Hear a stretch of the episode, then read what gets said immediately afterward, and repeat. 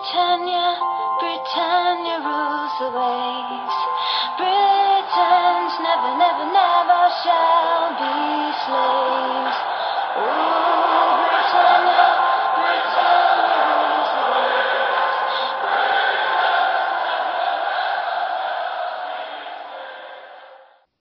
Varmt välkomna till Svenska FPL-podden avsnitt 214. Vi är mitt i en Double Game Week 29 men ska blicka fram emot Game Week 30 och spelar in tisdagen den 4 april.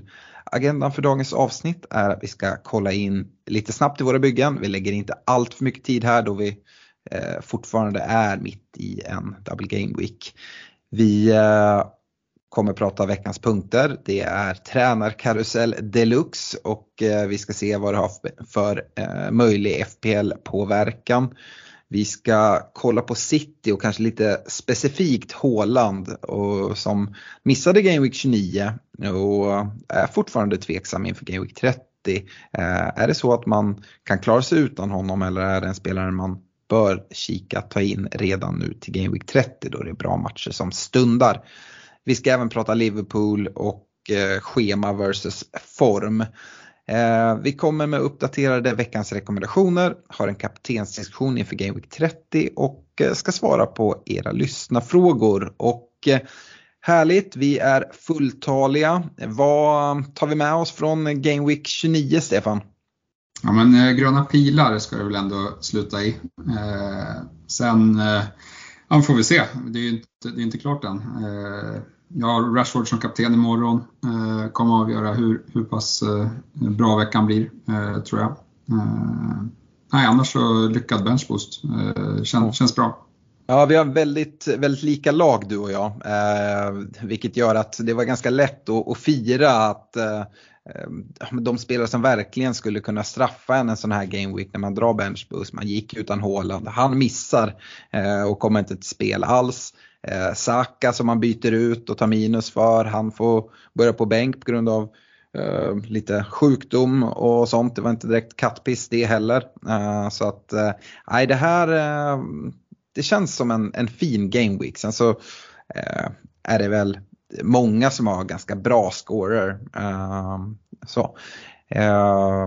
sen så har, kommer det vara en hel del avstängningar här framöver. Fredrik, vi fick ju information här om att Mitrovic fick beslutat om åtta matchers avstängning. Vi såg en mm. Ruben Neves plocka upp den tionde varningen, nu missar eh, två matcher i Game Week 30 och 31. Vi såg dubbla röda kort i Everton Spurs med eh, Lucas Mora och Dokore som eh, mm. båda kommer missa eh, kommande tre för sina respektive lag. Eh, ja, det är avstängningar. Det är ju det och korten i, i, eh, i Everton Spurs var väl ganska odiskutabla. Eh, de var ju liksom, ja men du kan inte slå en motståndare i ansiktet och du kan liksom inte hoppa in med sträckt ben med dobbarna före på anken. Eh, det, livet funkar inte så, i alla fall inte på fotbollsplanen. Däremot tycker jag att åtta matcher på Mitrovic var lite väl hårt. Det känns som politik från FA. Alltså vi har ju sett våldsamma karriärdödande tacklingar få eh, kortare straff än så och då blir det lite löjligt kan jag tycka. Alltså hade, hade han fått fyra matcher hade jag tyckt att det, och sen en jävla massa böter och böterna får gå till någon ungdomsfotboll eller något sånt. Nu blev det nästan lite patetiskt tycker jag. Mm, ja, det kan man tycka. Eh, vi är ju också mitt i en Double Game Week 29. Vi vet inte. Eh, Brentford och Tony spelar eh, nästa match imorgon onsdag. Får han ett gult kort där så är han avstängd två matcher. Um, och så det kan, det kan bli fler avstängningar här framåt. um, vi ska kika in lite snabbt i våra byggen. Det här är ju som sagt inför tisdagens matcher. Vi spelar in sent här så att det är ju halvtid. Det ska precis dra igång andra halvlek av Liverpool-Chelsea. Så att de poäng som har tickat in eh, under kvällen här både i den matchen och eh, i andra matcher det, det, är inte med när vi kollar in i våra byggen. Um, och eh, Stefan, jag sa att du och jag hade liknande byggen. Eh, det kan man ju lugnt säga. Båda vi eh, gjorde ju exakt samma byten. Eh, vi plockade ut Saka och eh, Gabriel eh, och tog in eh, Shaw och Bruno Fernandes. Vi har 72 poäng brutto inför kvällens matcher men med minus 4 så är du båda på, på 68 eh, poäng. Eh, Totalt har du 1895 poäng, eh, en overall rank på 29k. Jag 1838 poäng med en overall rank på 187k. 14 spelare kvar har vi båda. Rashford med binden. Ehm, ja, som sagt, vi förväntar oss gröna pilar. Ja, men det gör vi. Eh, Watkins har dessutom tryckt in en, en balja här ikväll. Eh, får vi se om det kan bli någon mer utdelning. Men, men annars är det väl eh, Rashford som har störst eh, sving imorgon, eller United eh, överlag. Jag sitter ju upptripplad eh, där och ser gärna att de, de tar hem den här matchen eh, ur fantasy-synpunkt i alla fall. Mm. Eh, så ja, men det känns, känns helt okej. Eh, sen har man väl, står man där i valet kvalet med, med Håland, men vi kommer dit sen. Ja, verkligen. Eh, Fredrik, eh, du eh, har 58 poäng, eh, totalt mm. 1773 poäng, overall rank på 675 000. 11 spelare kvar och med Madison med binden. Ja, det blev ju en chansbindel på, på Madison som ja, men i talande stund ser ut att, skita sig big time. Eh, men när vi klev in i, i tisdagens match så tror jag att jag hade en liten, liten, liten grön pil och, och ja, det, det, den kommer ju förmodligen att bli röd men då spelar inte jag benchpost och det är väldigt många som gör det som ligger framför. Så att, hänger jag med hyfsat den här veckan så får nog det anses vara helt okej okay ändå. Även om jag har två returns på, på min bänk så tycker jag att jag gjorde rätt i att inte spela benchboost för det är eh, ja, men det hade inte varit någon superkul benchboost med, med 15 poäng. Eh, och jag visste jag hade liksom tagit minus men jag hade inte fått in någonting för Ward, kanske Niversen. Alltså det hade inte blivit någon, någon supersuccé ändå. Så att, eh, ja. Eh, det känns ändå helt okej. Okay. Det är ju binden där men chansningen på Madison, det är inte så mycket att säga om egentligen. Det, det var ju en gamble. Mm. det är ju Brighton mittfältarna som man hade kunnat gått till och så får vi se vad Rashford gör nu i, i match nummer två. Mm. Men Rashford är väl den som är mest bindlad och den som skulle kunna straffa dig hårdast om han eh, om han slår till med, eh, med en hel del poäng här mot, mot Brentford.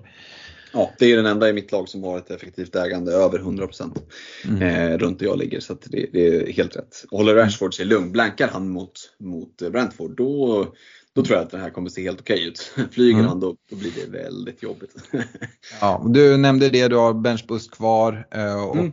Har ju pratat om att dra det i Game Week 34 tidigare, vi pratade om det i förra podden, förmodligen ett wildcard i 33 och ett free hit i 32. Um, ehm, det är inget som har ändrats?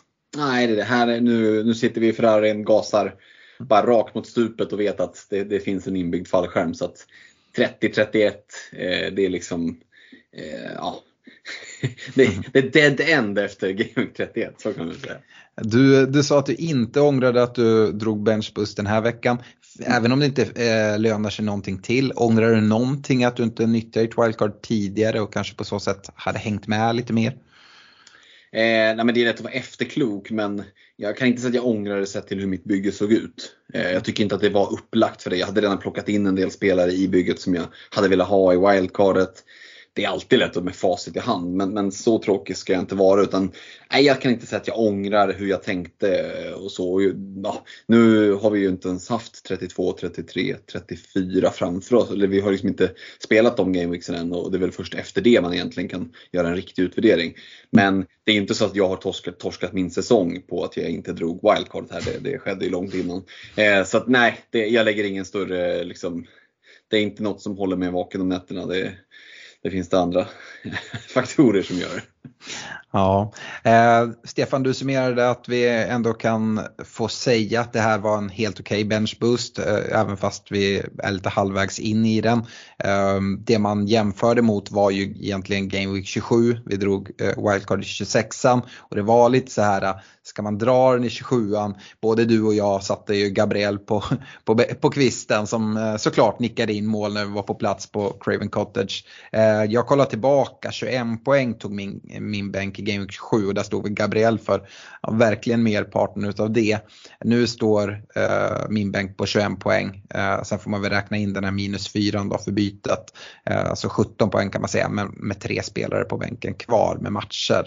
Eh, så att eh, det ser väl helt okej okay ut. Grejen är att hade jag bestämt mig för att dra ett, eh, ett benchboost i, eh, i Game Week 27 då har mitt wildcard i 26 sett lite annorlunda ut. Jag hade förmodligen haft Ward Prowse istället för, för Madison och sådär och då ja, hade, det, hade det sett lite annorlunda ut. Man kan jämföra lite sådär.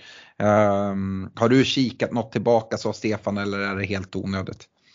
Nej, men jag är nöjd med min benchboost. Nu får vi se eh, liksom vad han gör, de som är kvar. Eh, om Estopinian får en nolla till exempel, då, mm. då är det klart bättre. Jag tycker inte att man ska räkna in minus fyra, för de två hade jag, liksom, satt jag på bänk, eller satt jag på plan eh, ändå. Och det var ju liksom för att eh, byta ut Arsenal-spelarna till United-spelare. Eh, mm. Och det hade jag kunnat gjort i en, en vanlig Game Week eh, också, mm. tror jag. Mm. Så jag tycker inte att det är automatiskt in på bänken, men jag förstår hur, hur du tänker där. Mm. Um, yes, uh, som sagt det blir lite speciellt att kolla in i våra byggen så här mitt i en game week och det är mycket som fortfarande kan hända. Uh, har, ni, har ni kollat någonting på eventuella byten här inför Game Week 30 eller är det alldeles för tidigt att, att kolla på om vi börjar med dig Fredrik? Eh, nej men kikat har man ju såklart gjort. Sen eh, har jag eh, givet liksom utgångsläget och, och modet på FPL tittat sådär lagom mycket så jag har bara liksom stämt av, gjort ett buss, satt busslaget eh, och, och satt liksom en rolig bindel eh, som vi kommer återkomma till i kaptensdiskussionen. Det, det är liksom lite så kul man kan ha just nu när man ligger på det, det jag ligger. Eh, men nej, planen är väl att hålla koll på Tony. Om han tar ett gult eh, så, så ryker han. Gör han inte det får han vara kvar. Eh, och blir det ingen annan skada egentligen så är jag lite inne på att spara och, och ha två fria till, eh, till 31 för att kunna göra någonting. Eh, bara ett byte liksom.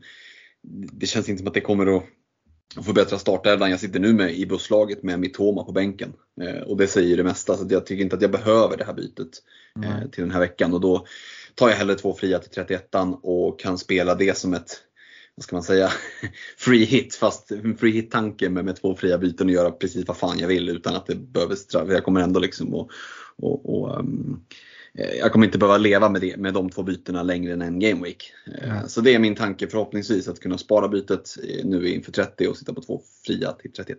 Ja, det kanske är fel att fråga dig Fredrik. Eh, du har helt ballat ur och börjat lagt fokus på fantasy allsvenskan nu istället här så att eh, eh, hoppet känns lite förlorat om dig. Eh, Stefan, eh, har du blickat någonting mot Game Week 30 redan? Eh, ja, men lite grann. Och Freddans plan är väl inte helt dum. Jag, jag kollar också på, på att rulla.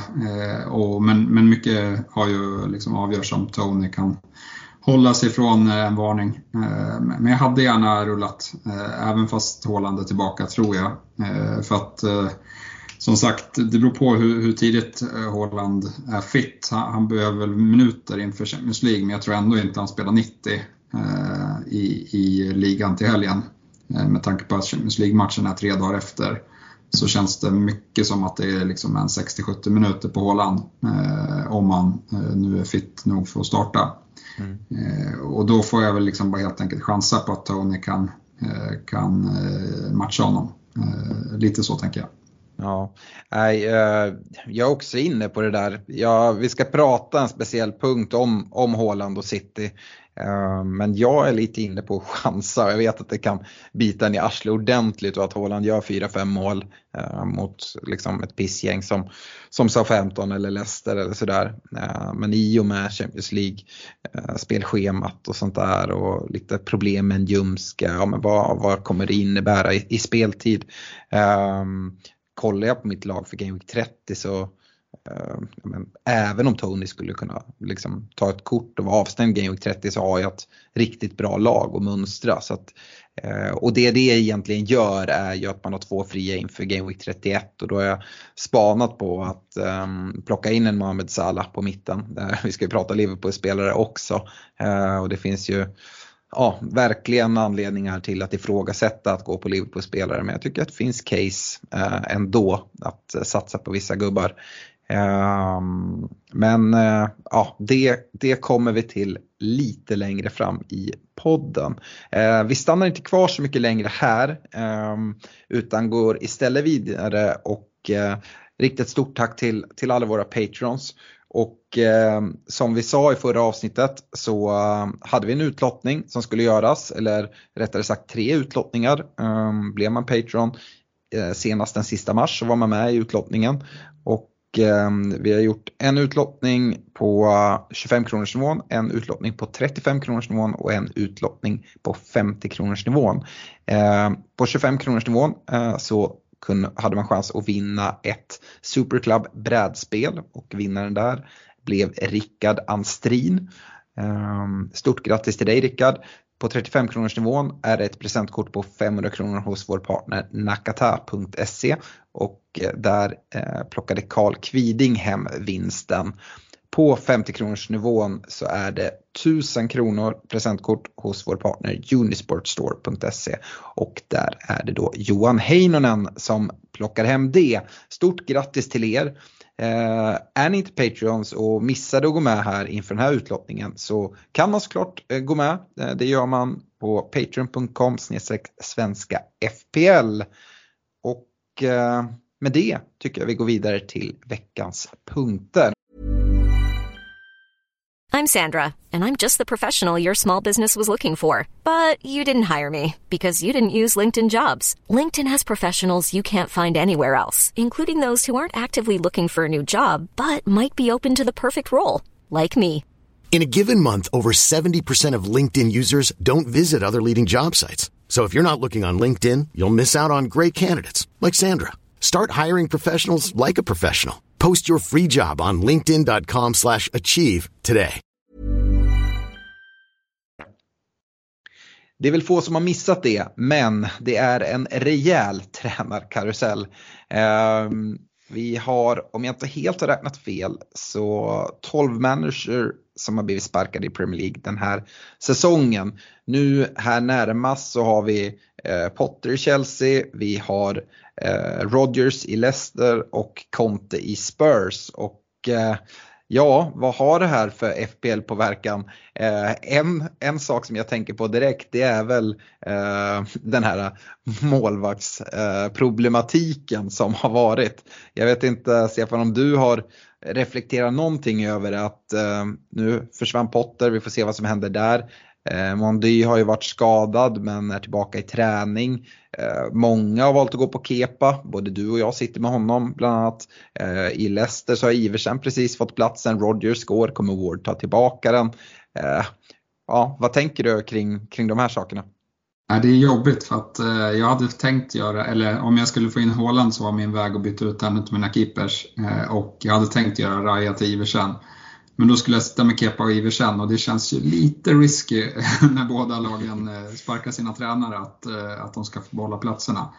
Eh, jag vill ju till exempel inte att Kepa tappar sin plats för det hade varit lite tråkigt att stå med Iversen resten av säsongen kan jag tycka. Och i liksom ett värsta scenario så skulle båda tappa sina platser. Eh, så jag vet inte hur jag ska tänka. Jag kanske behåller Super-Raja. Han är ju uppenbarligen i, i bra form. Eh, så att, eh, och Brentford lär ju gå för det resten av säsongen. Nu när det är så nära slutet och har chans på Europaspel så har jag svårt att se att de ska takta av här sista, sista omgångarna. Det ska väl också krävas ett riktigt frispel alla Conte från Thomas Frank för att han ska få dojan va? Ja, han lär inte få dojan i, i första, första taget. Han känns inte speciellt mycket Conte över honom heller. Eh, så eh, nej, jag får se hur jag gör det. Det är kanske inte ens aktuellt för att jag kanske inte byter in Håland eh, ens. Men det är något att fundera på om man, om man liksom hade tänkt gå i samma bana som, som jag hade tänkt. Ja, verkligen. Uh, Fredrik, vad säger du om den här uh, tränarcirkusen? Klopp är en manager som inte har gått än. Nej, precis. Det, han fick väl frågan där och sa bara Look at me, I'm still here. How's that possible? Eh, och, och, det är väl eh, enkla svaret är väl det att han har levererats tidigare.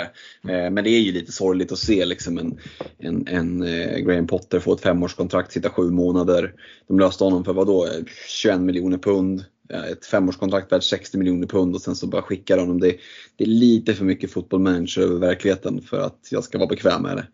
Eh, men det är ju vad det är, det är bara, bara att leva med det. Eh, och ja, det, det, ska vi försöka ha någon form av FBL-take på det hela så är det ju, precis som du var in, ni var inne på här med målvaktssidan som är det som slår en först. Eh, just eftersom att det är ju ingen, liksom, det är ingen eh, som är, tycker att det är förvånande att, att både Eh, Iversen och, och Kepa får fortsätta nu under Caretakers-managerna. Men lite beroende på vem som kommer in så, ja, så finns det ju liksom ändå ersättare som är fullt liksom, möjliga att de får stå och då, mm, då, då, kommer det att ställa till saker. Och det är ju inte bara målvaktssidan, det kommer vi ju kunna se på, på andra positioner också. Det är väl eh, rätt så givet att den som kommer in eh, så här lite i slutet av säsongen kommer att vilja testa sig fram.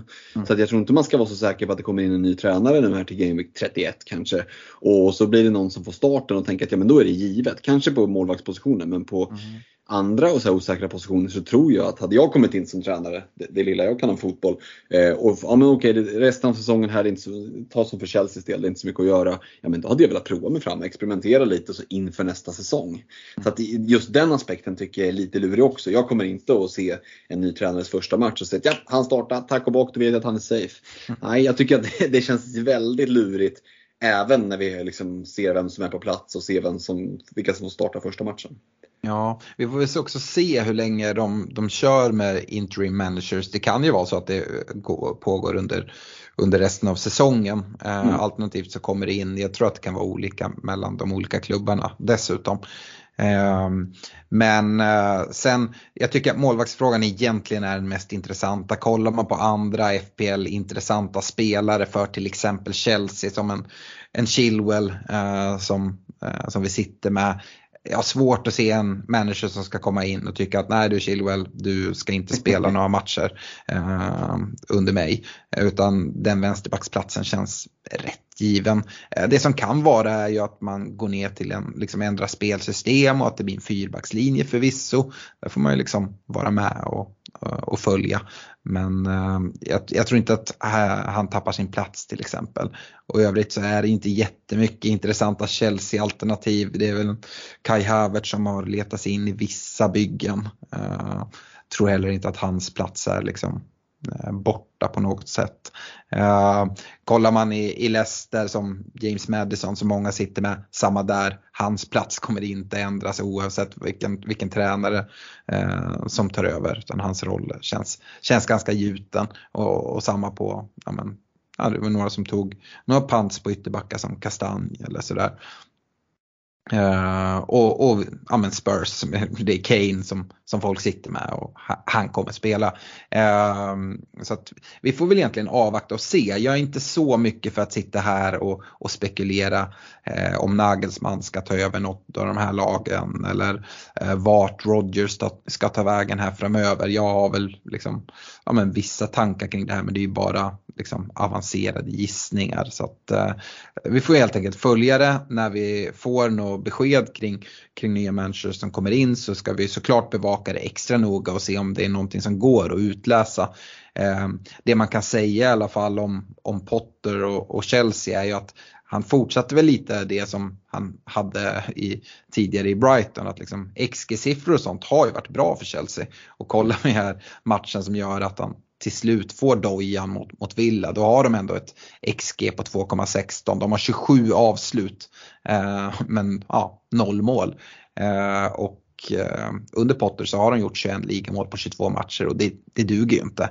Eh, men som sagt, spelet har ju ändå sett bra ut. Det är liksom målskyttet som, som saknas. Och oerhört frustrerande som Chilwell-ägare att se att han kommer iväg med noll poäng efter efter första matchen i 29an och eh, han, hade, han var ju nära att fixa straff där i, i första matchen. Han fick ett bortdömt mål som var inte felaktigt, men var ganska hårt tycker jag. Eh, kanske att jag är lite partisk där. Eh, men jag, jag, tycker inte att det är liksom en uppenbar, jag tror, hade domaren inte tagit tror jag inte VAR hade gått in och, och dömt bort det i efterhand. Eh, han har dessutom ett stolpskott i den matchen. Eh, och här mot Liverpool så ja, är det ju också ja, men chockerande att han inte har kommit iväg med offensiv utdelning än i alla fall. Så ja, känner mig, känner mig lite lurad. Mm. Ehm, ja, håller du med mig Stefan att det finns inte så mycket mer att säga eh, kring den här tränarkarusellen förrän vi eh, liksom får se lite de här interim managers och hur de sätter upp sina lag och eh, kanske framförallt när det kommer en ny eh, huvudtränare och, och tar över. Ja, nej precis. Eh, jag tror väl att eh, för Spurs del så borde det väl vara en positiv grej för det verkar ju vara riktigt negativ stämning där i laget. Conte har har eh, skällt ut sina spelare lite för mycket. Eh, men, men de är ju ändå med i striden om Champions League-plats så att där går det liksom inte att komma in och experimentera allt för mycket. Och sen den enda som är intressant är ju Kane och han har ju levererat hela säsongen ändå. Mm. Eh, så att nej, jag, jag, tror inte att det spelar så stor roll vem som kommer in där. Det är Kane som är intressant för mig.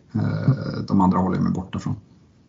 Yes. Uh, och Fredrik, vad tror du? Uh, Finns det någon möjlighet uh, som Madison-ägare att uh, liksom, han skulle få något extra lyft av att pesten Rogers är borta? Jag vet att du inte håller han jättehögt. Ja, men jag, jag, jag tycker om att, att skämta lite med Rogers sådär utifrån att det är rätt mycket floskler. Sen har väl han gjort det ganska bra med Leicester får man väl ändå säga. Eh, så dåligt har det inte gått under de här fyra och ett halvt åren. Eh, så, att, eh, ja, men så mycket skit ska han väl inte ha.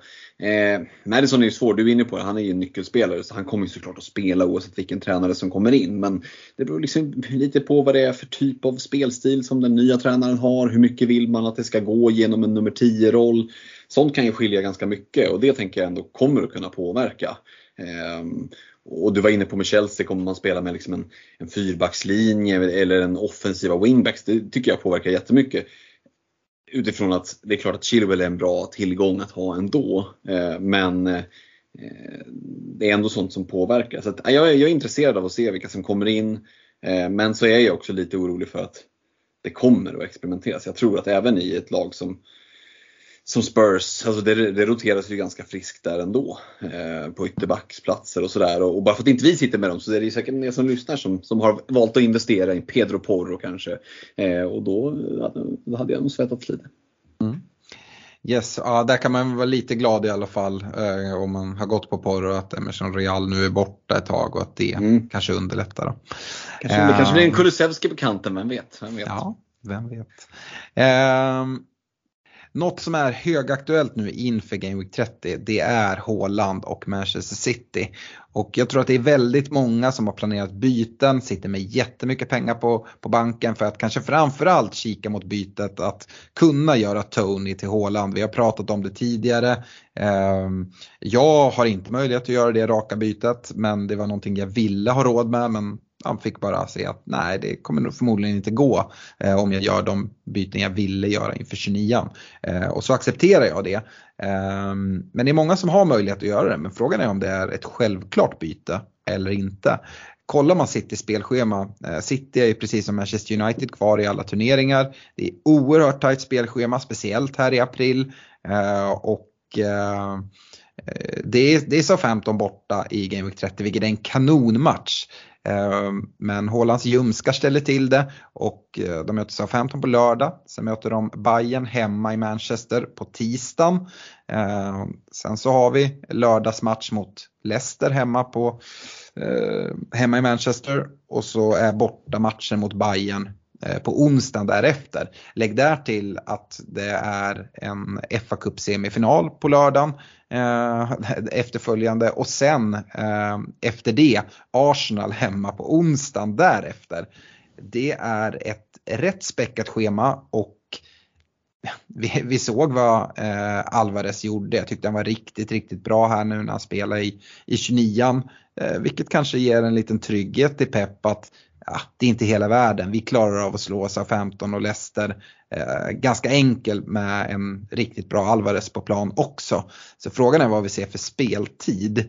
Hur, eh, ja Fredrik, hur, hur tänker man kring, kring Håland? Hur tänker du? Och, eh, jag tror väl att han kommer få, få några minuter om han inte får någon setback med, med sin ljumske eh, för att lite få upp han på ja, komma in i matchtempo inför bayern matchen men några 90 minuter har jag oerhört svårt att se. Det håller jag som helt uteslutet. Eh, jag tror ju det ska väldigt mycket till om han ska starta Southampton-matchen. Tror att Pep kommer att tänka, eller det här är ju lite patetiskt att gissa vad, Pep tänker. Men, men vad fan, jag tar mig friheten att göra det. Eh, så tänker jag att han borde tänka i alla fall eh, att man kan lika gärna börja med hålan på bänken och se om Alvarez gör sitt och gör sina baljer och, och allt ser bra, frid och fröjd, ja då vill han så kan han ju slänga in Haaland och ge honom kvart 20 minuter i slutet. Vill han spara honom helt om han inte är liksom tillräckligt fit för, för att ens göra det, nej, men då håller han kvar honom på bänken. Eh, det är ju bayern matcherna som han kommer att sikta in sig på. Väldigt svårt att se att han kommer att riska Haaland om han inte känns liksom verkligen på topp. Eh, nu har inte jag så mycket att förlora i FPL, eh, så det kan ju ha med det att göra. Men jag känner mig helt kolugn cool med att inte ha någon Haaland 30-31. Ja, absolut, han kan hoppa in och göra mål och det är klart att det är Haaland så han kan hoppa in och göra ett hattrick. Men sannolikheten för att han ska göra det på en kvart, 20-25 minuter är liksom inte jättestor heller. Och tar de där maxlöpningarna, kommer han att göra? Jag vet inte alltså. Eh, jag tycker att folk panikar för mycket över att man inte sitter med Haaland i bygget. Eh, givet det här spelschemat som du liksom drog upp här nu med liksom buy, dubbla Bayern-möten, med en semifinal i en cup som kanske är ändå lite nedprioriterad men den finns ändå där och Arsenal-matchen eh, upcoming sen. Alltså, jag, kan, jag kan inte se Haaland få mer än 25 minuter mot Southampton. Och, alltså, jag kommer, även om jag hade haft råd så hade de fan inte ens bytt in Haaland. Det är på den nivån. Uh, Stefan, vad, vad, tänker du? Han kommer ju förmodligen vara rätt tungt kaptenad både i 30 mot Southampton och i, i 31 mot Leicester skulle, skulle jag gissa. Uh, så att det är ju en risk att gå utan honom. Uh, men risk innebär ju också möjlighet. Ehm, men det kommer vara jobbigt att se det. Min gissning är ju att i de här två matcherna kombinerat så tror jag att han kommer hamna på runt 90 minuter. Mm. Ja, nej, jag är, jag är lite mer skraj. Det kanske är för att jag ligger bättre till. Eh, men, men, Fick du det sagt man, också? men eh, om man, eh, ja, men om man tror att han inte kommer starta, då är jag inte så orolig. För att visst, som Fredan var inne på, att han kan hoppa in och göra massa mål. Men Övriga laget kommer ju gå och tänka på bayern matchen om de leder med 2-0 eh, och då kommer det vara svårt för Haaland ändå att liksom, eh, göra de där målen. Det är väl mer när liksom City inte har så mycket annat att tänka på och byter in en Håland och liksom bara fortsätter eh, köra på. Eh, det är väl de matcherna det kan sticka iväg. Eh, men Ja, vi får se. Det är bara att avvakta eh, nyhetsflödet här, se om man är i träning med laget här i veckan och, och lite som avgör. Och sen för, mig, för min del så avgör ju väldigt, väldigt mycket på om Tony kan hålla sig från eh, ett gult kort. Mm. Jag tänkte faktiskt komma med ett litet dilemma eh, för de som egentligen har planerat Tony till Håland för Game Week 30 och har, har pengarna för att göra det raka bytet. Ehm, vi säger att Tony inte tar ett gult kort mot United här i 29 imorgon och Haaland fortsatt är sådär 50-50 för start mot Southampton i, i Game Week 30. Stefan, hade du behållit äh, Tony då? Ja, men det tror jag att jag hade. Eh, det lutar i alla fall åt det. Och Fredrik, det lät som att du definitivt då hade behållit.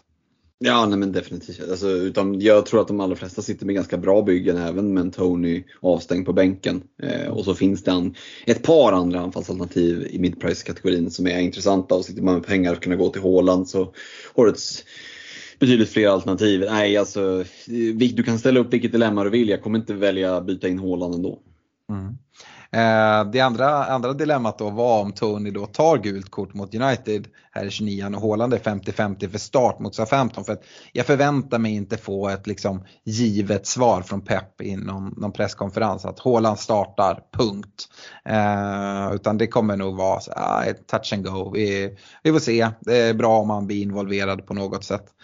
Eh, gör man då bytet till, till Haaland eh, eller gör man Tony till en annan anfallare som är ja, men, mer eller mindre garanterad start i, i 30 eller sitter man bara kvar med Tony på, på bänken?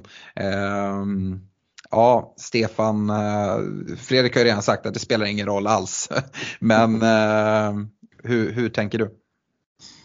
Eh, på, vad var frågan?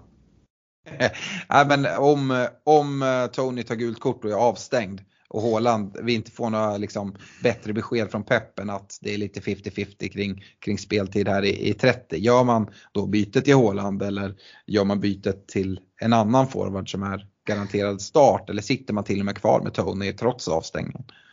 Ja, jag, jag, det, den är svårare för att eh, jag vill inte byta in någon annan forward på den platsen egentligen. Eh, så eh, då får man nog försöka lusläsa på Cityforum. Eh, men, men eh, annars, nej det är väl kul att spela Brighton-spelare mot, eh, mot Tottenham. Det finns uppsida på det så att det är nog is i magen ändå som gäller. För att för min del är det minus fyra för att ta in Haaland och det är ju trist att ta in honom om man inte ens vet att han kommer till start. Ja, i det här resonemanget så tänker jag att man har råd att göra det bytet ja. utan uh, göra några dubbelbyten eller så. Nej, men då, då hade jag kunnat gjort det gratis hade det varit enklare såklart. Mm. Ja. Vad säger du Alex där då, om, om det sista alternativet? Uh, ja, det, jag tycker att det är oerhört svårt och jag är inne på, på Stefans idé att det är egentligen ingen annan forward som, som lockar mig. Um, så att för mig handlar det egentligen om att bränna Eh, eh, den tredje anfallsplatsen till en så billig anfallare som möjligt och det är väl Greenwood i Leeds som kostar 4,0 som är, är billigast. Uh, och Leeds vill man i alla fall inte trippla upp någonting i så det ställer inte till det. Uh, för att ja, frigöra pengar. Uh, jag kollar på att, ja, som sagt, förmodligen inte gör något byte i Game Week 30 om det inte händer någonting. Ha två fria till 31 som är inför min, min free hit. Eh, som jag då behöver göra båda, båda bytena för man får inte spara dem efter chip. Och då bränna Tony till, till Greenwood och då har jag råd att göra Madison till eh, Mohamed Salah. Eh, och få in honom inför Liverpools eh, ja, spel, fina spelschema och dubbel i 34 bland annat. Eh, det är det jag kikar mot. Och sen så kan jag komma till Håland sen när, när dubben kommer i, i 34 genom att göra Kane till Håland. För då kommer, kommer jag vilja ha honom och så får vi se eh, i den bästa av FPL-världar och ja, för mig även fotbollsvärldar det är ju att City ryker mot Bayern. Eh, så då kommer det ju vara fullt fokus på eh, Premier League eh, och då kommer Håland få väldigt mycket speltid. Och, eh, så. Det är liksom eh, mina initiala tankar. Så att äh, jag, äh, lurigt. Eh, för egen del som det är så måste jag också ta minus. Det är inte aktuellt för mig. Uh, hade jag kunnat göra det gratis? Ah, jag lockas ändå av att lite chansa och gå utan honom. Uh, men jag är inte lika säker på dig uh, Fredrik som att han absolut inte får starten här mot, mot, mot Southampton. Utan det skulle han kunna få. Vi har sett Pep göra det mycket under säsongen. Att ja, men, han får starten och så plockas han av lite tidigare istället. Uh, skulle kunna fortsätta. Mm, ja, vi får se. Uh, när vi ändå är inne och pratar Manchester City så tycker jag vi måste notera Grealish insats här uh, i uh, Game Week 29. och kolla mot honom, är det läge att chansa på honom nu när Foden är out för en hyfsad tid, runt tre veckor tror vi väl att det skulle vara här med blindtarmen. Eh, det är tionde raka Premier League-starten eh, och enligt mig kanske Grealish bästa insats i City-tröja. Vad, vad säger du Fredrik? Eh, du var väl inne lite grann på det att i ett, i ett, i ett WC kolla mot att um, ja, men gå på Grealish som en av mittfältarna. Mm, absolut. Och nej, men han fortsätter ju verkligen tokleverera. Eh, det som gör att man blir lite smånervig om man nu sitter och vill, vill eh, eh, ja, men kliva in redan i det här skedet, det är ju det att i och med att han är så jävla bra så får man ju utgå från att Pep kommer att spela honom i båda Bayern-matcherna. Eh, och då blir ju följdfrågan, okej, okay, om han spelar båda Bayern-matcherna, kommer han starta både Southampton och Leicester då? Kanske. Han kanske startar mm. fyra matcher i rad, who knows? Och så vilar man honom i, i cupsemin. Det, det skulle ju kunna vara ett alternativ. Men ingen kan ju liksom eh, tappa hakan av förvåning om han startar båda Bayern-matcherna och så får han två inhopp Southampton-Leicester. Och då sitter man ju rätt snett på det ändå. Eh, på förhand i alla fall. Det är klart killen kan hoppa in och göra mål. Eh, speciellt så bra som han är nu. Men här kommer vi till det luriga. Alltså, så bra som han ser ut så borde det vara en no-brainer att ta in honom. Men ett stort men är ju det här spelschemat. Det är Peps besatthet av att eh, en klubb som faktiskt aldrig har vunnit Champions League. Eh, om Stefan får lyfta in att, det ligger, att han ligger bra till i overall-ranken så måste vi lyfta in det här med antalet Champions League-titlar. För där är det ju någonting som som City knappast kan ståta med. Eh, och det tror jag att Pep är rätt sugen på. Eh, betydligt mer sugen på än att eh, chansa liksom att hans bästa spelare ska gå sönder mot Southampton eller bli slitna mot Southampton och Leicester. Eh, så att, eh, jag tycker att det är spelschemat emot eh, och det oroar mig och det gör att Ja, absolut, jag som ska dra eh, som ska dra ett eh, wildcard i 33an blickar ju definitivt eh, mot att liksom, fortsätter han hålla den här formen då känns han ju given. Speciellt den prislappen. Men för 30 och 31, oh, då, är det, då är det big gamble och det kan löna sig men man ska vara medveten om att det är high stakes. Mm. När vi börjar närma oss Game Week 33 dock, då börjar också en Foden närma sig återkomst eh, vill vi mm. tro. Och då helt plötsligt, alltså jämfört med att kliva på honom nu. Mm. Eh, det är väl det som är, eh, för egen del eh, tycker jag att det är lurigt. Jag gillar verkligen tanken på, på Grealish och, och chansa lite med honom nu. Dessutom riktigt billig, jag vet inte vad han kostar, typ 6,8 eller något sånt. Mm. Eh, och eh, det stora problemet är ju mittfältsplatserna. Man får ha fem mittfältare.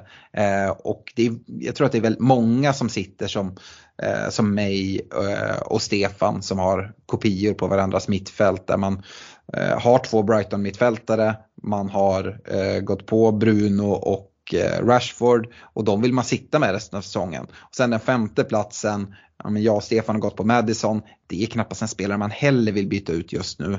Ehm, och eh, sen så är det många som kollar mot en Mohamed Salah. Eh, så det är trånga mittfältsplatser. Eh, Stefan, hur ser du på Grealish och, och kliva på nu? Ja, alltså jag gillar honom och om man ska kliva på honom så, så tycker jag att det är ett bra läge här.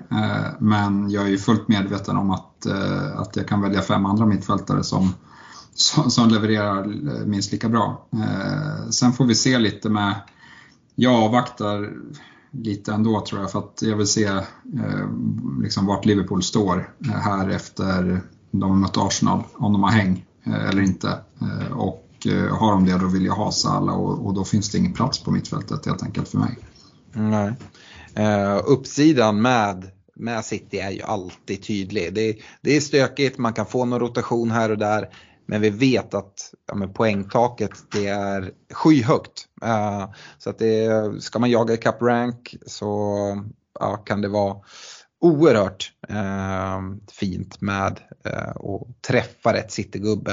Uh, vi var inne, vi träffade Foden fint när vi var nere i Milano här i höstas till exempel. fick fina poäng som inte så många eh, fick just då. Sen hoppar man på honom lite senare och då svor man eh, ordentligt. Så att, eh, kommer man rätt på det finns det mycket rank att tjäna på, på Citygubben och vi vet vad, vad de kan göra för poäng. Går vi vidare då till, jag, jag nämnde att många kikar mot en Mohamed Salah, så är det ju Liverpool och det är stökigt. Eh, jag kollar på Liverpools schema, Eh, och blir väldigt, väldigt lockad av att kliva in. Jag kollar på Liverpools form, mm, blir inte lika sugen. Ehm, det, det är stökigt. Eh, nu tycker jag att det är lite taskigt att, att liksom gå på senaste match. När jag säger senaste match så tänker jag den första i 29 där de möter Manchester City som gör en um, kanoninsats och är totalt överlägsna Liverpool tycker jag. Även om Liverpool tar ledningen i matchen så tycker jag att det är hela tiden, hela tiden egentligen ingen, ingen fråga om att Liverpool ska ställa till det för, för City, eh, kände jag. Eh, jag kollar liksom efter Game Week 29 eh, här, alltså de spelar Chelsea ikväll. Det står ändå 0-0 här i, i slutet. Eh, så eh, fördelarna mot att, att gå mot Liverpool, det är som sagt schemat.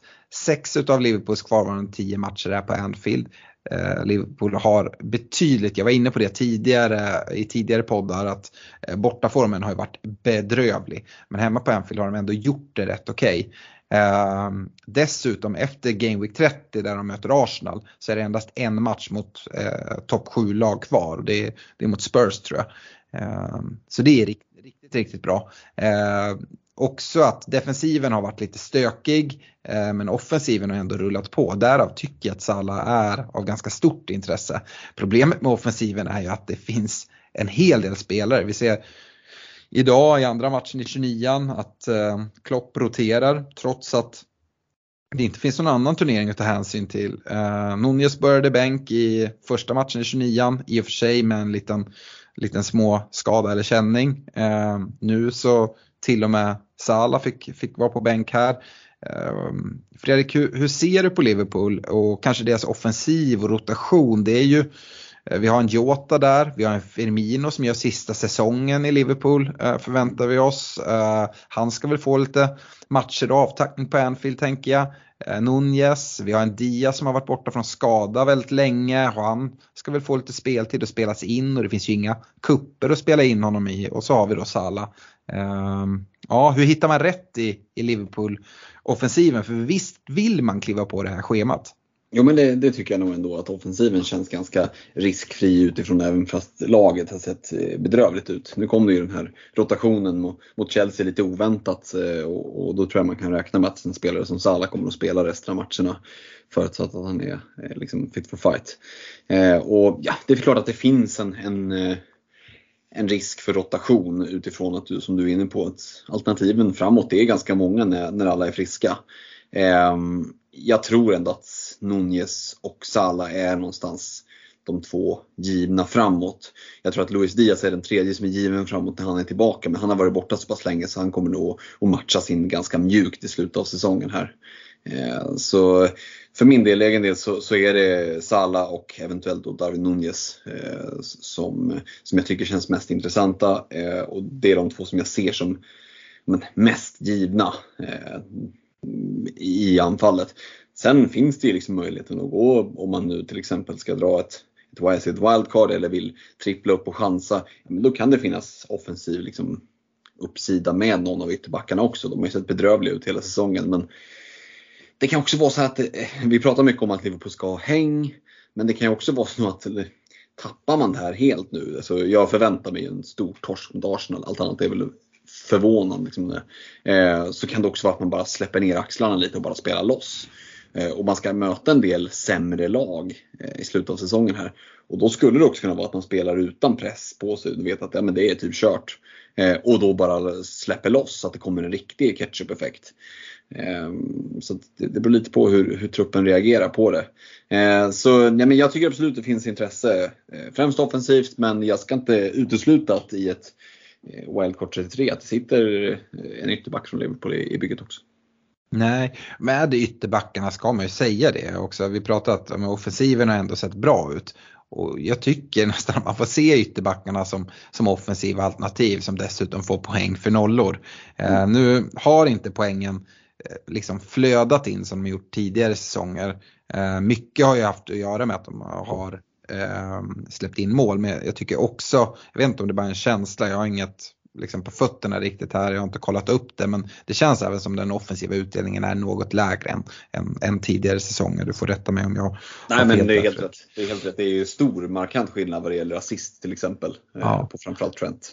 Uh, men uh, sen så jag är helt säker om, om man kollar det här spelschemat som Liverpool har att det kommer hållas nollor, kanske framförallt hemma på Anfield. Eh, med, det ska mötas eh, ja, med hemmamatcher utöver Arsenal så är det Forest, det är Spurs, det är Fulham, Brentford, Villa eh, som ska, ska komma till Anfield. Eh, jag har svårt att se att det inte skulle vara en två, tre nollor Eh, som ändå kan hovas in eh, i, i de matcherna. Dessutom kan det hållas nollor på, på bortaplan då man, ja, men, man ska möta SA-15 i sista omgången då SA-15 mycket väl kan vara, vara ur. Eh, och, ja, det, jag, jag, jag tycker att Liverpool-spelare är intressanta att hålla bevakning på. Eh, Stefan, eh, du är ju väldigt mycket inne på det här hur det ser ut för Liverpool eh, framöver och deras möjligheter till topp 4-placering. Hur mycket tycker du att man ska väga in det? Ja, nej, egentligen, jag tycker väl generellt att det är bra att ha något att spela för. Eh, sen tror jag att Liverpool kommer ha något att spela för ändå. De kommer att spela för Europaplats eh, om det inte blir Champions League-plats. Eh, men, men jag köper ju Freddans eh, resonemang där om att eh, ja, men det kanske blir lite eh, ja, mindre press och, och mera, mera full fart framåt på slutet. Och, och det minskar ju inte min liksom, vilja eller sug på att ha Mohamed Salah direkt. Men, men jag tror att det är bättre att de har något att spela för om till exempel man ska plocka in en, en Trent i, i bygget. Mm. Dubben som de har i 34 eh, är ju dubbla hemmamatcher också sett till att de är mycket bättre hemma på Anfield. Eh, Tottenham fulla med det som väntar där. Eh, det skulle mycket väl kunna vara en, eh, en game week där man, där man kollar på, på att sätta en kaptensbindel på, på en eh, Mohamed Salah. Nu har eh, både City och United eh, dubbla dubbla matcher i, i 34 också och rätt bra matcher. Men med City är det svårt att veta, är de kvar i Champions League så ska helt plötsligt um, det tas höjd för Champions League semifinaler som kommer där omkring. Um, och United är också kvar i Europaspel uh, och dessutom en, en form som har, har också sviktat här på senare tid. Så um, ja, jag kan absolut se att Salah kommer vara bindlad från, från ganska många managers i, i Game Week 34. Eh, men där är vi inte riktigt än. Eh, ett lag som har imponerat betydligt mer än Liverpool är Brighton. Eh, och eh, jag kände bara att vi behövde nämna någonting om dem. Nu fick de kryss här i eh, första matchen i 29 De vinner andra Eh, och håller nollan dessutom, även om det är offensiven som är det mest intressanta hos Brighton. Eh, att det blir 3-3 mot, mot Brentford i eh, första matchen är helt galet. Kollar man statistiken så har Brighton 33 skott avfyrade i matchen. De har sex stora chanser och och jag såg att det var en XG på 4,47. Jag tror du Stefan hade sett någon annan XG-siffra som var till och med ännu högre. Eh, och sedan De Serbi tog över är det endast City och Arsenal som har visat bättre XG-siffror. Um, eh, Solly March återigen bäst uh, expected goal, Eh, goal involvement siffror med sina 1,49 men är den av mittfältarna som tar minst av poäng om man jämför med Mitoma och McAllister. Mitoma har alltså en XGI-siffra på 0,22 i den här matchen men ja, eh, kommer ändå iväg med, med mer poäng och han får även en assist här i, i, i dagens match. Eh, vi har varit inne på det tidigare. Brighton upptrippling med alla deras matcher känns givna. Eh, sitter man dock som mig med eh, två Brighton-mittfältare och inte har valt den tredje platsen så är det ingen stress att byta in dem. Eh, då spelschemat är lite tuffare nu och eh, nästa dubbel är först i Game Week eh, 34. Eh, Stefan, vad, vad har vi att säga om Brighton? Eh, superlativen eh, tar aldrig slut. Ja, nej, det är, det är fascinerande. De håller ju på att blanda sig i, i liksom eh, Champions League-striden här. Eh, och, och liksom, varför skulle inte de kunna ta en av de här matcherna mot Tottenham eller Chelsea, även fast det är på, på bortaplan? Eh, det ser jag inte som omöjligt på något sätt, eh, som, som de spelar just nu. Eh, nu såg jag att eventuellt Caicedo gick sönder idag. Eh, mm. Så att det hade ju varit ett, eh, en väldigt stor negativ eh, sak för, för Brighton att hantera här på slutet. Eh, och ja, men, att skadorna börjar komma är ju oroväckande för de har ju extremt många, många matcher kvar att spela. Så att det får man väl hålla lite koll på. Men, men annars är din båt, om man sitter med två så kan man gott vänta till 33 eller 34 här och bara se vad som händer. Det kan ju bli, ändras ganska mycket med, med liksom Eh, skador och form och sånt. Eh, även om just nu det känns som att det är de där tre mittfältarna framåt eh, som, som är hetast. Mm. Ja, Fredrik, kommer Liverpool sluta före Brighton när vi summerar säsongen? Many of us have those stubborn pounds that seem impossible to lose, no matter how good we eat or how hard we work out. My solution is PlushCare. PlushCare is a leading telehealth provider with doctors who are there for you day and night to partner with you in your weight loss journey. They can prescribe FDA-approved weight loss medications like Wagovi and Zepbound for those who qualify. Plus, they accept most insurance plans. To get started, visit plushcare.com slash weight loss. That's plushcare.com slash weight loss. I'm Sandra, and I'm just the professional your small business was looking for. But you didn't hire me because you didn't use LinkedIn jobs. LinkedIn has professionals you can't find anywhere else, including those who aren't actively looking for a new job, but might be open to the perfect role, like me. In a given month, over 70% of LinkedIn users don't visit other leading job sites. So if you're not looking on LinkedIn, you'll miss out on great candidates like Sandra.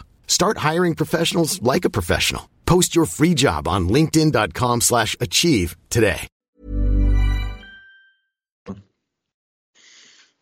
Det är inte alls säkert.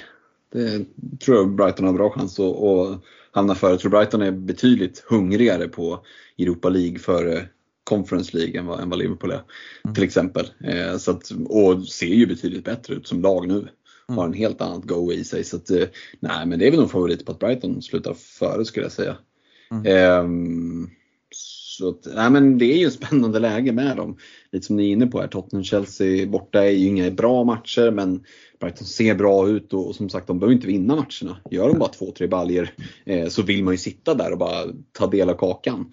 Eh, men jag sitter precis som du Alex med, med två eh, Brighton-tillgångar nu och känner väl också det att det är ändå inte dit jag blickar eh, ens för liksom, de här kortsiktiga delarna. Och jag tycker att ja, men det är framförallt från 33an framåt som det kommer vara superviktigt att sitta på trippelt. Eh, svårt att se att man ska bli superstraffad om man sitter med två Brighton-tillgångar gentemot de som har tre i 30-31. Det, det, det, kan bli så men jag är beredd att ta den risken.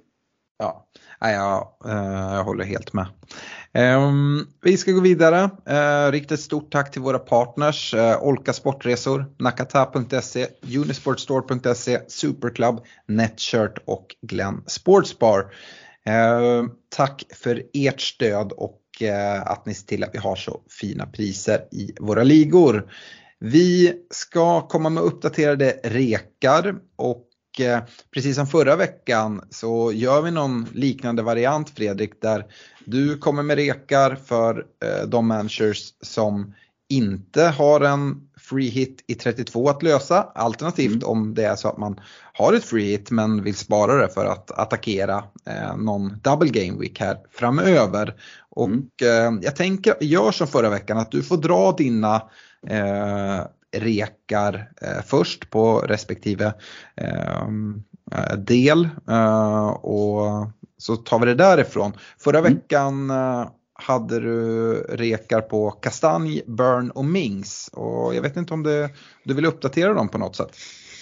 Egentligen skulle jag sitta ganska bra på ett sätt med alla tre. Jag tycker att de har eh, gett ganska fin utdelning och det sett väldigt bra ut. Eh, följde man de rekarna så har poängen eh, ja, men, forsat in tänkte jag säga. Men en liten uppdatering där. Kastanj, Mings får vara kvar. Eh, jag tycker att eh, fin, spelschema på båda. Eh, så att de, de ska ingenstans.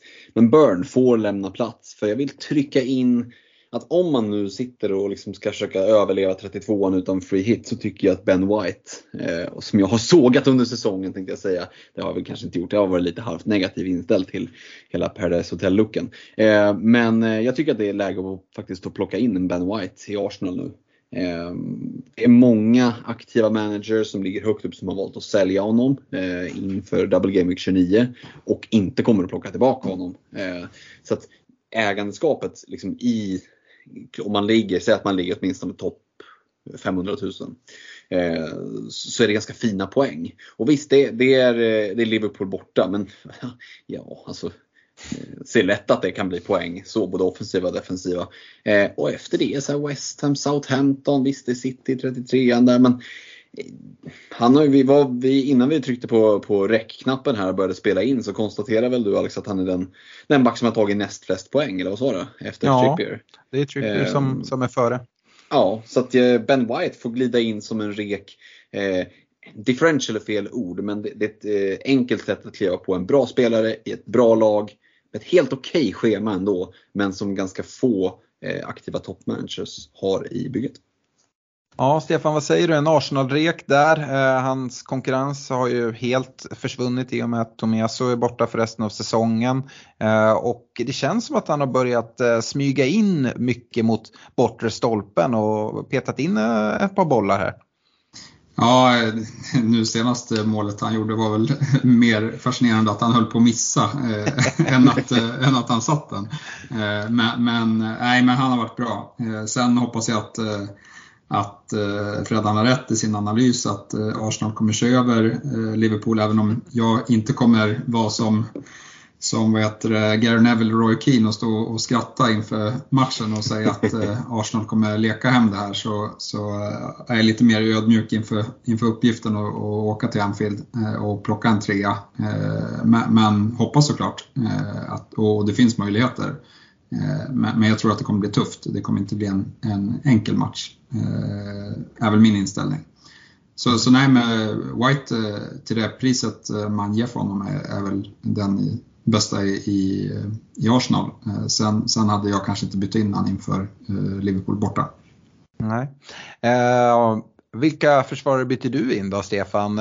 Förra veckan så var du och jag väldigt överens på försvarsrekar. Du hade Chilwell, Shaw och Dunk. Ja, eh, Chilwell och Shaw får vara kvar. Eh, jag tycker Chilwell, som vi har pratat om en del innan här, har sett extremt fin ut. Eh, nu tror jag att han kommer loss med, med nollan och bonuspoäng eventuellt från, från matchen ikväll. Eh, men, men det är ändå så, så, att det kunde varit mer från de här två matcherna. Så han tycker jag ser eh, kanon ut. Eh, och sen Shaw har jag valt att behålla. Eh, nu gjorde United ingen bra insats mot Newcastle, eller så var det så att Newcastle gjorde en väldigt bra insats mot United. Eh, jag tycker ändå, kollar man på spelschemat med, med Everton och, och, Nottingham här innan, innan blanken när man drar free hits och, och sen massa dubblar så så äh, ser så väldigt eh, trevlig ut att äga resten av säsongen. Så han får också vara kvar. Eh, men Dunk får flytta på sig, som vi varit inne på. Brighton har tuffare matcher här inför eh, ja, men innan, innan deras blank eh, och Eh, där får faktiskt eh, Stones eh, letas in. Jag tror att Ja, men jag tycker ändå att det finns en tendens i Pep att han spelar sina formspelare allt mer och ja, men Stones har kommit tillbaka nu, var, var grym här mot, mot Liverpool och jag tror att han kan komma iväg både med, med nollor och med liksom någon offensiv poäng. Och, Eh, ja, men jag tror att det är lättare att, att sitta på honom än, än eh, deras mittfältare när det blir massa dubbla på, på slutet. Mm. Eh, och det är väl bara att konstatera att vi fortsatt tänker oerhört likt. Eh, om du hade eh, Chilwell, Shaw och Dunk eh, förra veckan så hade jag David de Gea, eh, Chilwell och Dunk. Och även jag eh, gör så att Dunk får eh, stryka på foten.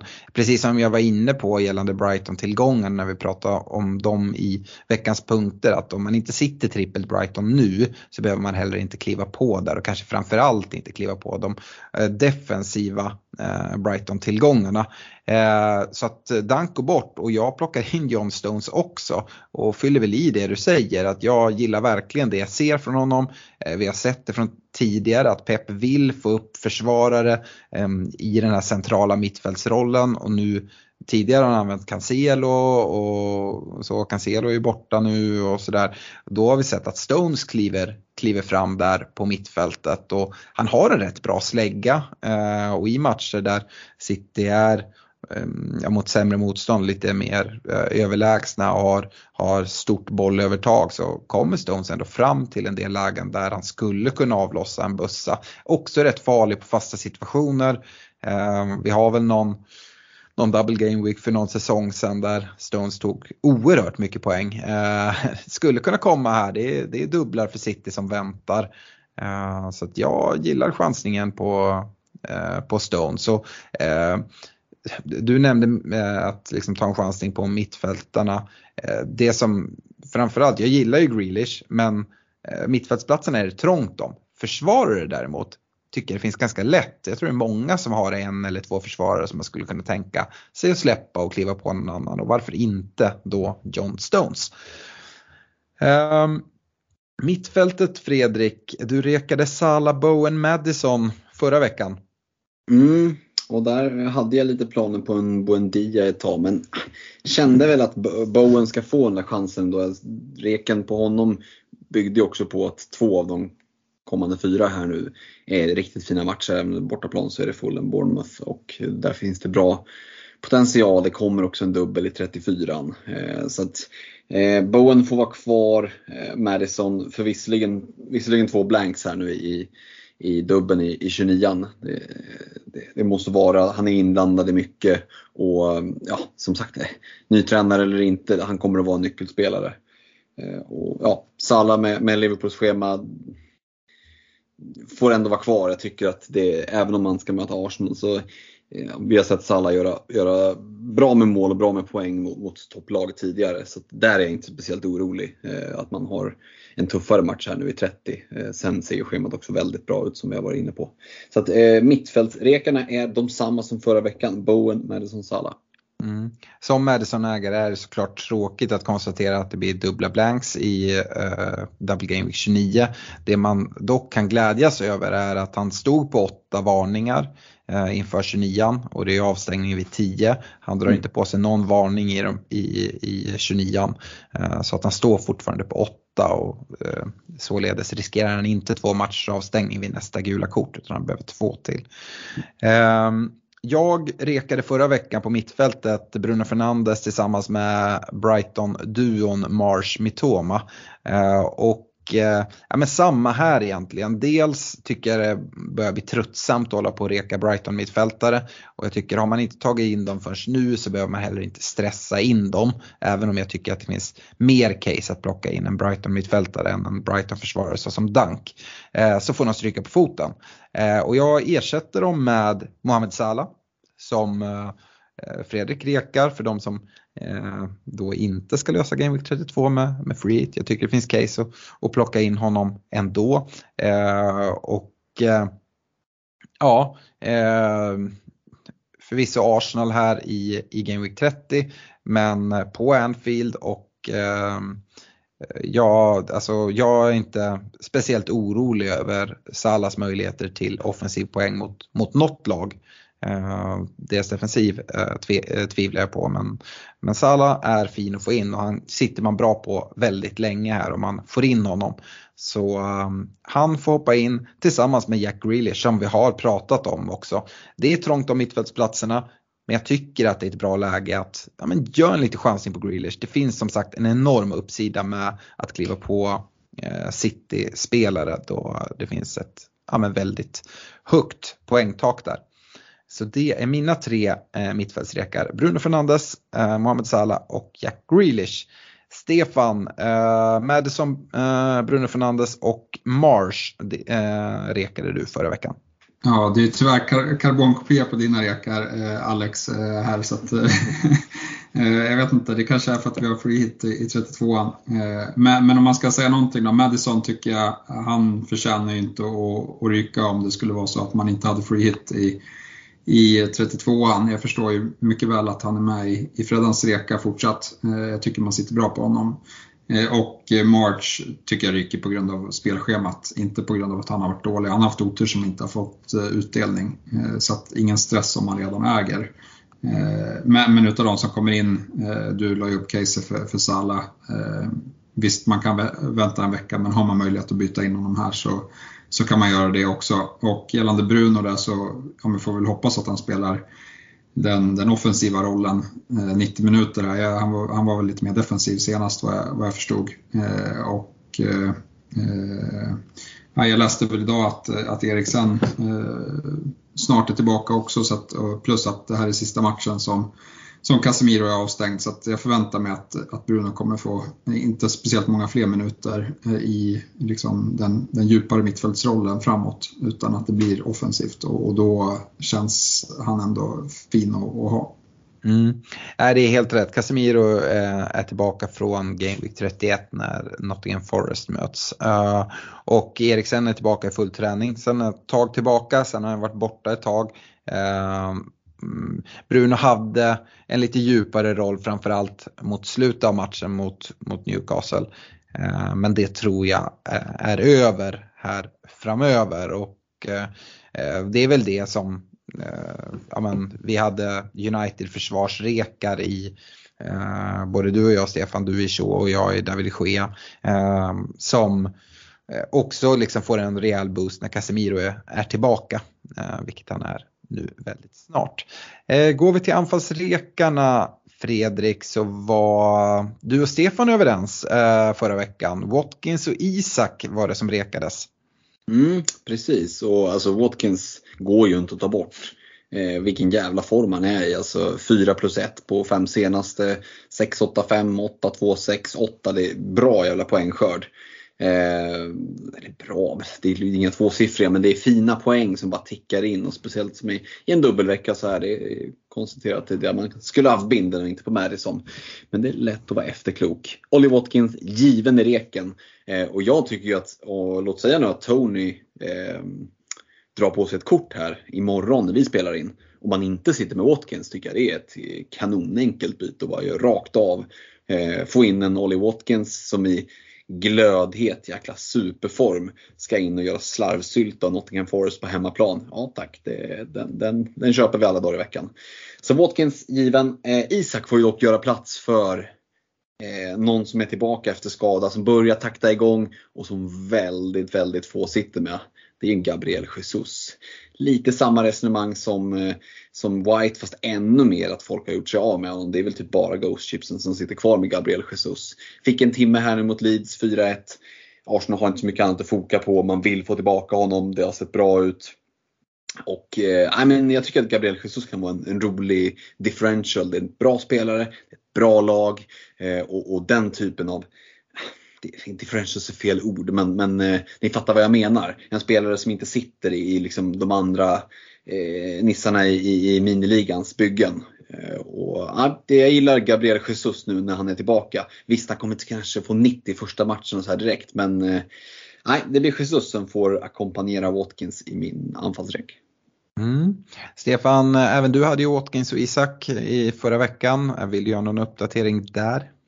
Eh, nej, jag sitter faktiskt kvar med dem. Eh, nu, nu gjorde ju Wilson eh, 2-0 målet, men jag tycker Isak var, var riktigt bra. Eh, som, eh, och, och Watkins skulle inte säga så mycket mer om. Eh, han levererade 17 pinnar här i, i dubben och har fin, fina matcher. Så att jag tycker man sitter bra på dem. Och skulle jag skicka någon skulle jag skicka Isak, men, men det skulle vara om Haaland var, visar sig vara fit här eh, i slutet av av veckan. Eh, men det är lite tråkigt att reka Håland också. Men annars gillar jag faktiskt Freddans reka på, på Jesus. Eh, han, han var ju ute och kommenterade när han blev utbytt också att ja, men jag hade kunnat spela 90, det hade inte varit några problem. Men, men jag respekterar managerns och hans beslut. Så att det känns som att hans fysiska status är, är ganska bra eh, ändå. Mm. Eh, jag rekade Kai Havertz och eh, Alexander Isak förra veckan och Eh, konstaterar väl samma sak som dig Stefan där att eh, Wilson kommer in och gör mål. Men ser jag Newcastle var ju oerhört bra mot United och jag tycker faktiskt, även om United inte gör någon kanonprestation så är det mer att Newcastle är riktigt, riktigt bra än att det är United som är klappkassa. Um, så eh, Isaks pass tycker jag ändå känns hyfsat trygg. Sen såklart, det är klart att uh, Wilson kommer stjäla lite speltid men de borde också kunna spela lite tillsammans. Um, så Isak får vara kvar, däremot så uh, kastar jag Havertz under bussen. Och, uh, jag tycker att jag tycker att det är ganska dåligt med anfallsalternativ. Så det här kanske blir en lite specialrek. Jag vet inte vad ni, vad ni tycker om den. Men jag vill reka eh, Greenwood i Leeds. Eh, 4,0 anfallare. För jag tycker det verkligen är läge att eh, börja bränna en anfallsplats. Det är många nu som har dragit sin benchboost i Game Week eh, 29. Eh, så du behöver inte ha liksom tre eh, bänkspelare. Du kommer behöva lägga mer pengar in i elvan. Framförallt mot dubbeln i 34 då det är många som har, har bra matcher. Och eh, jag, jag, hörde lite skratt där när reken kom. Samtidigt vet jag att Stefan som skrattar kollar på, på det här bytet eventuellt här framåt. Och jag tror det är många som kommer göra det. Och det är ju för att kunna få plats med och sitta med Haaland, Sala, Bruno Fernandes och liksom ha alla tre eh, här på sikt. Så att uh, det är en liten specialrek men eh, ja, Greenwood är den enda 4,0 anfallaren. jag tror det finns en gubbe för 4,1 också. Men här är det bara att liksom bränna totalt. Och som sagt, Leeds, jag har väldigt svårt att det är någon manager som kommer vilja sitta trippelt Leeds här framöver. Att det ska liksom ta upp en plats. Så att det behöver man inte heller oroa sig över. Så att, äh, men Greenwood välkomnar vi in som anfallsrek. Ja, nej, det enda jag är förbannad på att du ska hålla på att driva upp hans pris nu in här för jag ska byta in honom nästa vecka.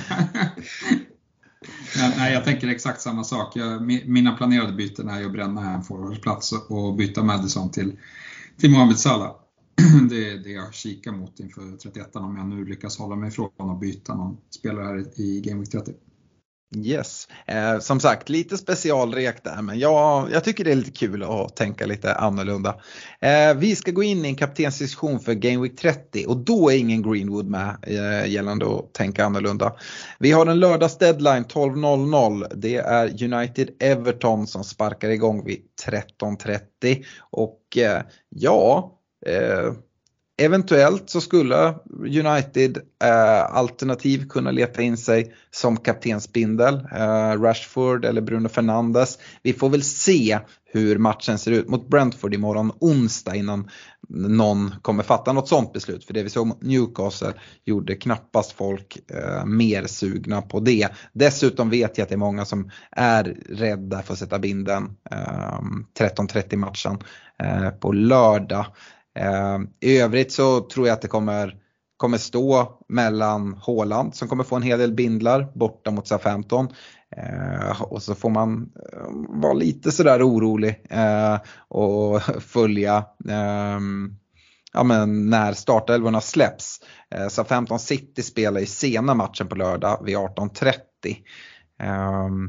Hos mig sitter dock bussbinden på en Harry Kane i Spurs som ska möta Brighton. Och som sagt, jag håller Brighton oerhört högt men framförallt deras offensiv. Och, och Kane han gör det oerhört bra. Han ligger bara 14 poäng bakom den helt sjuka Håland eh, och den säsong han gör. Eh, hemma eh, mot Brighton, jag kan absolut se Kane eh, göra poäng och eh, där ser ni min bussbindel. Um, vad, hur tänker du eh, Fredrik kring bindel i Game Week 30? Mm, jag har också Kane i bygget men, men han har ingen bindel utan den sitter på Ollie Watkins. Eh, och eh, jag tycker att hans form talar för sig själv. Eh, Kane är ett bra shout, eh, men jag, Brighton är betydligt svårare match än vad Forrest är hemma. Eh, så det är väl det som avskräcker lite där. Eh, det, det, är ju liksom, det finns ju ett case för Kane givet hur bra han har gjort det den här säsongen. Men eh, jag, jag gillar Watkins binden tyvärr lite på samma sätt som jag gillade Madison-binden inför 29 så det, det, säger väl lite om, om feelingen, gut-feelingen där. Men eh, vad fan, eh, även en trasig klocka har ju, visar ju rätt tid två gånger om dygnet. Så att eh, Ollie Watkins känns som mitt första val.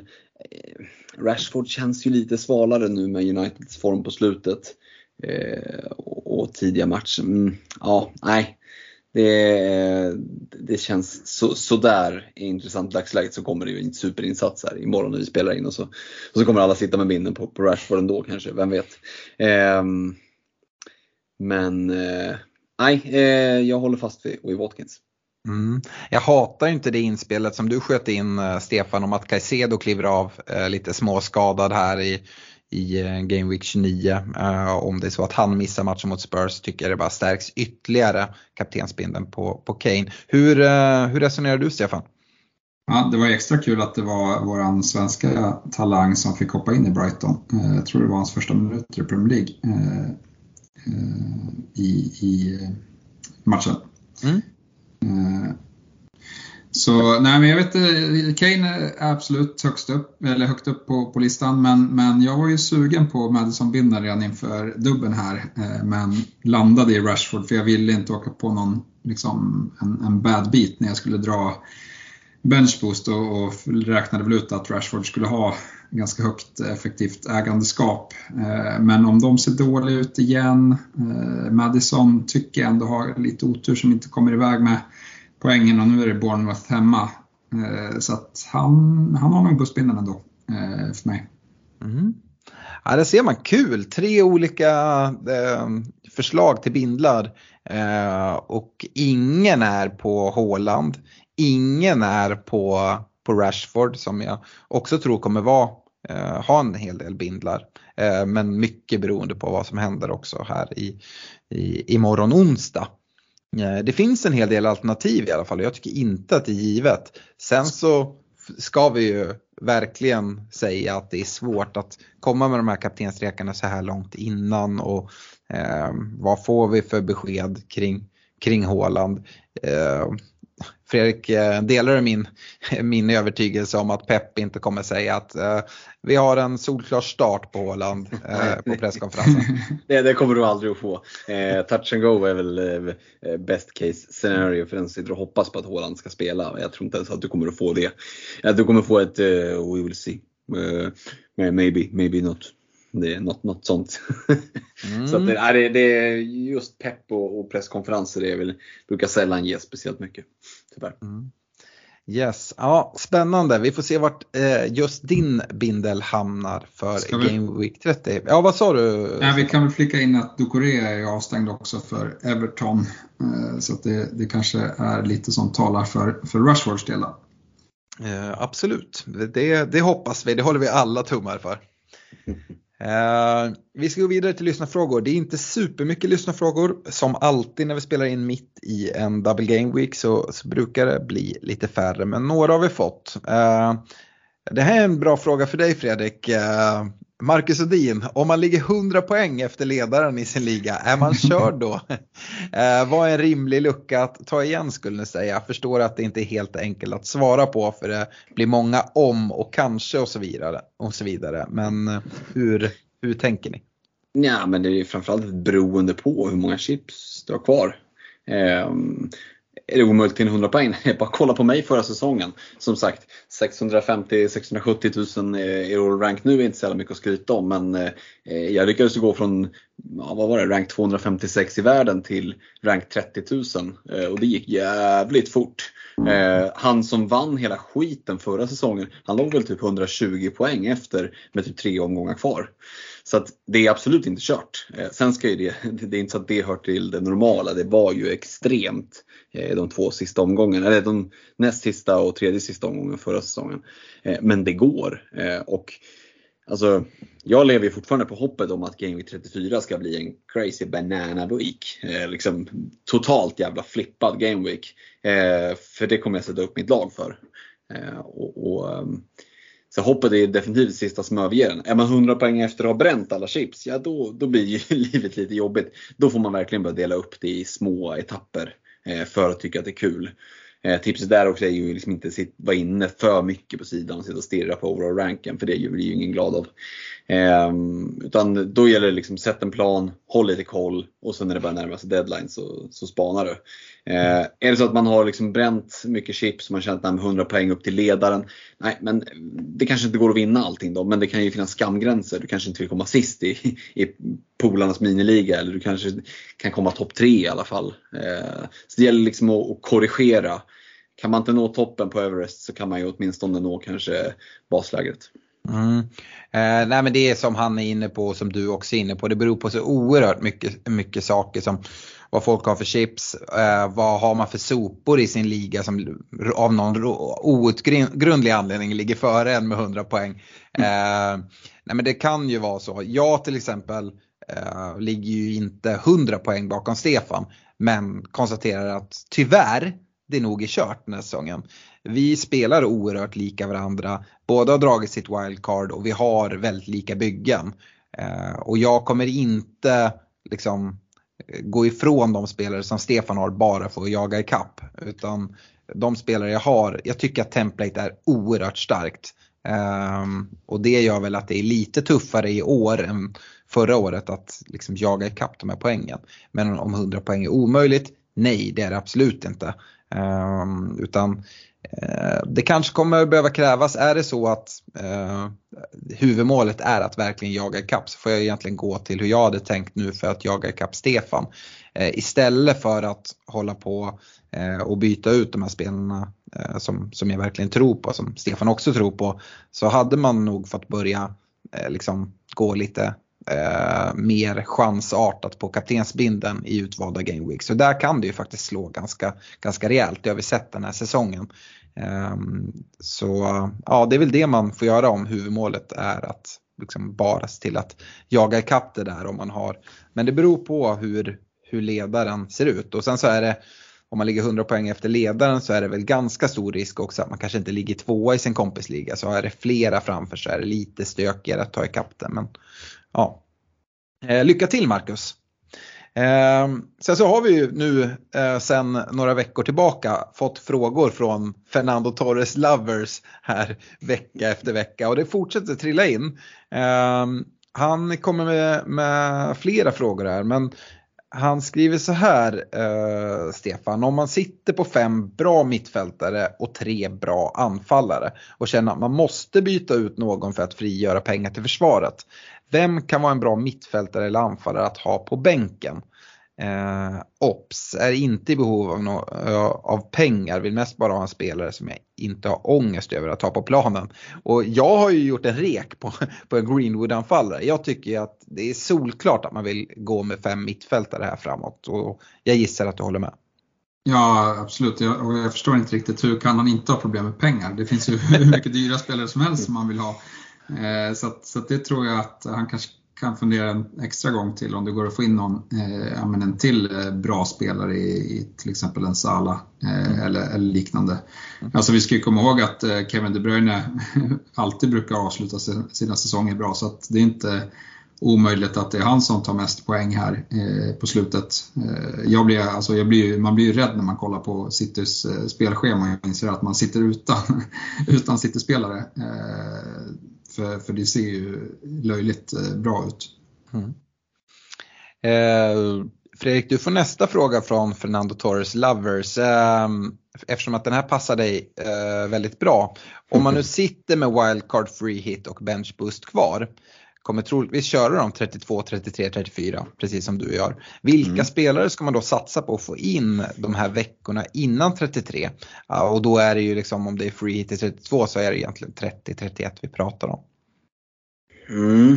Det är ju en väldigt bra fråga. Jag tycker, tränker mig i alla fall att de allra flesta sitter med ganska fina byggen till 30 och då lite som jag var inne på för egen del att det kan vara läge att och spara bytet för att ha två fria inför 31 och kunna laborera lite mer. Du har så mycket större handlingsfrihet med två, eh, med två eh, fria transfers. Ehm, så det är väl det första medskicket. Vilka spelare? Ja, det beror ju lite på vilken lagdel såklart eh, som man, som man känner att man har spelare man kan byta ut till att börja med. Mm. Um, så att, ja, men villaspelarna ser heta ut. Det, det, är svårt att bortse ifrån. Och där kan det finnas eh, anledning i så fall att kanske göra bytet redan i, i, i 30. Sitter man inte till exempel på Watkins så tycker jag att det är, är ett prioriterat byte att plocka in för att han ser glödhet ut. Mm. De har dubbla hemmamatcher i 30-31, eh, mm. Forest och sen så Newcastle. Mm. Uh, Stefan, sista frågan kommer från Johan uh, eh, Stenbeck. Uh, byta Pope mot de Gea. Jag har Raja som nummer två och som spelare i Game Week 32. Har också både Trippier och Burn i backlinjen men ingen United-back. nej, det tycker jag väl inte att man behöver. Jag, jag, tycker att, att liksom Newcastle, de, de har ju bäst defensiv, eller i alla fall minst insläppta. Eh, och eh, ja, men de kommer nog köra på inslagen väg eh, här på slutet. Det kommer nog bli en hel del nollor som trillar in på deras konto. Så jag ser inte riktigt varför man ska göra det bytet. Nej, det är väl att man får en match mer med eh, en United-målvakt än en Newcastle-målvakt. United har ju dubbel i 34-37. Newcastle förväntar vi oss ha en dubbel i, i 36an. Eh, absolut. Eh, det, men, men, sen, ja, ja, det är en match på, över utslaget på, på så många gameweeks. Ja. Eh, då hade jag nog hellre kanske gått för, för Ederson lite längre fram. Mm. Ja, nej, jag håller med. Jag vet inte om jag tycker att det är ett prioriterat byte. Uh, det, det, han kanske sitter med ett kanonbygge och har två fria och, och, måste göra någonting. Då hatar jag inte bytet. Jag rekar ju själv det sker och tycker att ja, men det, är ett, det är ett bra läge. Men eh, ja, Pope sitter man förvisso ganska, ganska bra med. Um, så, och jag tror att han kanske kommer vilja sitta med trippelt Newcastle. Uh, så att tar han ut Pope, eller i alla fall när, när dubben kommer, så han sitter med Trippier och Burn, ja, då ska han fylla på med en Newcastle-gubbe till kanske någonstans. Och bytena är värdefulla. Uh, med det Slovenbutiken. igen butiken. Stort tack för att ni har lyssnat. Eh, jag hoppas ni får en bra avslutning på Game Week 29 och att ni går fint in i Game Week 30. Framförallt se till att välja rätt kapten. Eh, jag hoppas att jag ska träffa rätt för en gångs skull och ja, men, börja jaga ikapp lite platser. Vi hoppas att Stefan sätter binden på någon annan än Kane och sen så kommer ett litet ryck och drar, dra sig närmare. Eh, ha det bra så hörs vi igen nästa vecka. Hej då! Ha det bra! Ha det gott, ciao!